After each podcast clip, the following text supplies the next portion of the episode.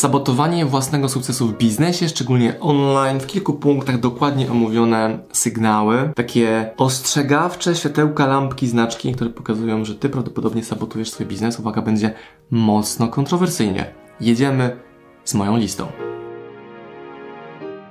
Punkt pierwszy, jeżeli skupiasz się znacznie bardziej niż na swoim biznesie, klientach i rozwoju na dotacjach, to prawdopodobnie przegrasz. Co ty, Osman, w ogóle znowu pierdzielisz? Co ty w ogóle, dotacje zmieniają świat? Zobacz, jakie mamy drogi szkoły i tak dalej. Jeżeli skupiasz się na dotacjach, to skupiasz się na dotacjach, nie na twoich klientach. I dla Ciebie ważniejsze jest to, co myślą urzędnicy w dokumentach, które startami uzupełniasz, żeby tylko tą dotację otrzymać. Ktoś powie, no dobra, ale jak tworzyć biznes bez pieniędzy? Skupiając się na klientach, nigdy na dotacjach. I my odrzucamy ogromnie dużo propozycji dotacji dla naszego biznesu, bo wiemy, że nie ma czegoś takiego jak pieniądze za darmo. Ktoś powie, no tam masz ogromne dofinansowanie, dofinansowanie na coś tam, ale to dofinansowanie jest obarczone ogromną ceną i wcale nie chodzi o cenę wkładu własnego, ale chodzi o odciągnięcie cię od bycia przedsiębiorcą na rzecz stania się urzędnikiem, e, na rzecz raportowania ogromnych stosów dokumentów, które musisz wy, wy odtwarzać, albo zaprojektowania, nie wiem, wniosku unijnego, który mówi ci, co będziesz przez kolejne dwa lata dokładnie robił, gdzie przecież trzeba biznes zmieniać codziennie, weryfikować, czy ten kurs obrany jest dobry, a nie, że dobra, założyliśmy, że wydamy 100 tysięcy na ten marketing i musimy tak robić, a wychodzi nam po wydaniu już 1000 złotych, że to jest w ogóle pomysł z czapy i trzeba go całkowicie porzucić. Są dotacje na start firmy i są ludzie, którzy potrafią o pół roku odsuwać start swojej działalności jednoosobowej, żeby otrzymać te 20 tysięcy z urzędu pracy na to, żeby kupić sobie komputer, fotel i tak dalej. Ale wspinanie się po tych szczeblach kariery przedsiębiorczej bez tych dopalaczy jest no niesamowitą rzeczą. Bo musisz się sam wspinać i nie chodzi o to, żeby było trudno. Chodzi o to, żebyś ten proces przeczołgania się pod tymi dotami kolczastymi padnij powstań sobie doskonale przeszedł. Jeżeli jest opcja wzięcia dotacji Urzędu Pracy, spoko, ale pod warunkiem, że to nie zatrzymuje Ciebie na pół roku w tym procesie czekania na ten wynik. Albo jeśli masz jakiś projekt, który można zrobić dotacją, no to złóż ten wniosek, ale zajmij się robieniem tego biznesu, a nie że czekaj, że za pół roku będzie rozstrzygnięcie konkursu unijnego i wtedy może będzie kapitał na start. To jest bardzo mocna kontrowersyjna rekomendacja z mojej strony.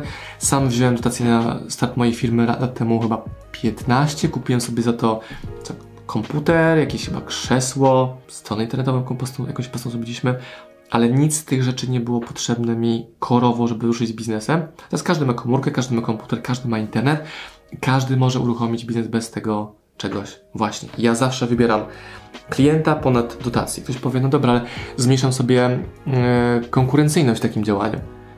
Nie. Skupiasz się na tym, co buduje Twoją największą konkurencyjność, czyli kliencie. I to da Ci największe bezpieczeństwo. Drugi. Jeśli skupiasz się na pozyskaniu inwestora, to nie skupiasz się na pozyskaniu klienta.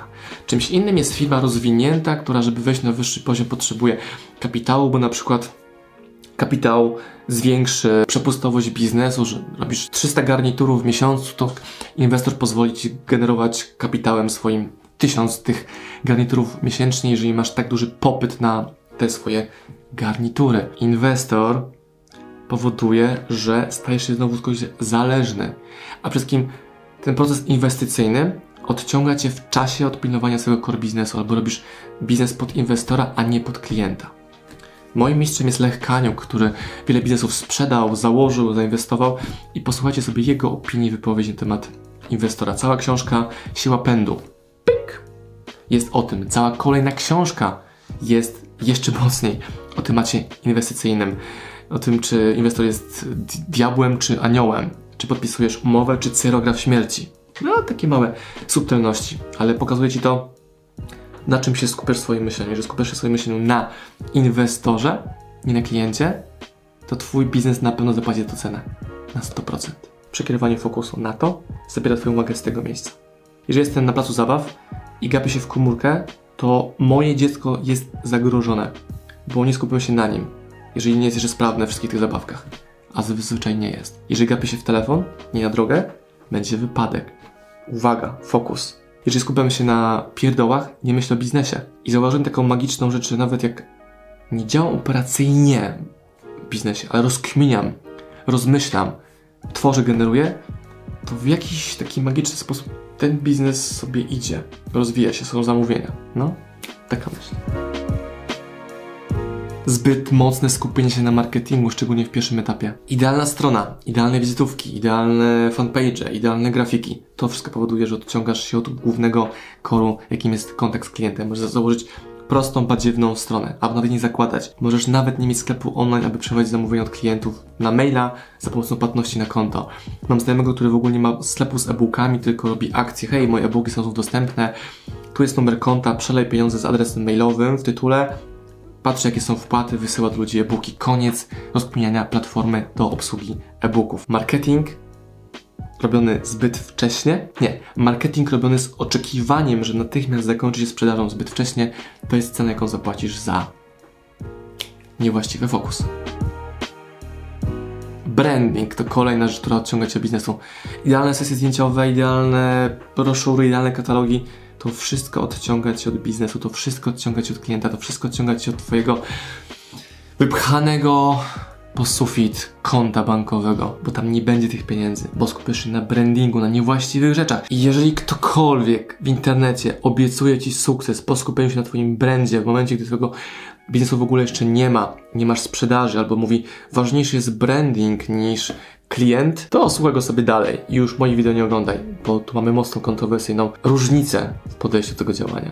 Ja się skupiam na klientach, pokazuję, jak ich obsługuję i to buduje mój brand. A nie, że buduję sztuczny brand, wykreowany brand, który być może nie pyska klientów. Subtelna różnica, ale ogromnie, ogromnie dużych konsekwencjach. Partnerstwa. Surprise, surprise, surprise. Mnóstwo osób poświęca dużo czasu na partnerstwa, które powodują, że gadają z partnerem, co razem zrobić i uzależniają się tego partnera. Najgorzej jest, jak ktoś jest dużym, dużym partnerem, a sam taką małą rybką. Czyli małe idzie do dużego i mówi róbmy biznes. I liczą, coś razem się zadzieje i to trwa jeden tydzień, drugi, trzeci, czwarty, piąty, ósmy miesiąc i nic z tego nie wychodzi. No ale może ten partner zgodzi się mój post udostępnić, zrobi jakiś wspólny projekt, może mi czymś pomoże. A co jak nie? Czyli traktowanie partners jako core business versus traktowanie partners jako dodatek do tego, co robię.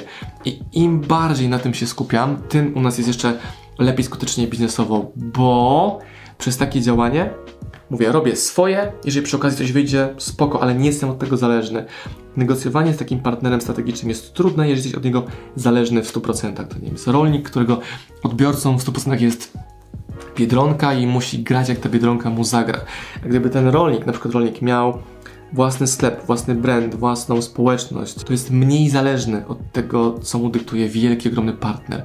Dywersyfikacja portfolio klientów jest jedną z najważniejszych rzeczy na świecie, którą Wam na maksa, na maksa polecam. No i tu macie garść 5-6 rekomendacji pokazujących Wam takich sygnałów ostrzegawczych, które pokazują Wam, czy w dobrym kierunku lecicie, a może warto się na nich zatrzymać i zastanowić, czy przypadkiem ten Wasz statek zbyt mocno nie dryfuje po oceanach i wiatrach, których wy w ogóle nie kontrolujecie. Amen. A jeszcze jakie książki do tego tematu polecam? Biznes Cię ucieka. Dwójka. Biznes Cię ucieka jedynka oraz książka Mity przedsiębiorczości. Takie odczarowanie tego, co Ty do tej pory myślałeś o biznesie.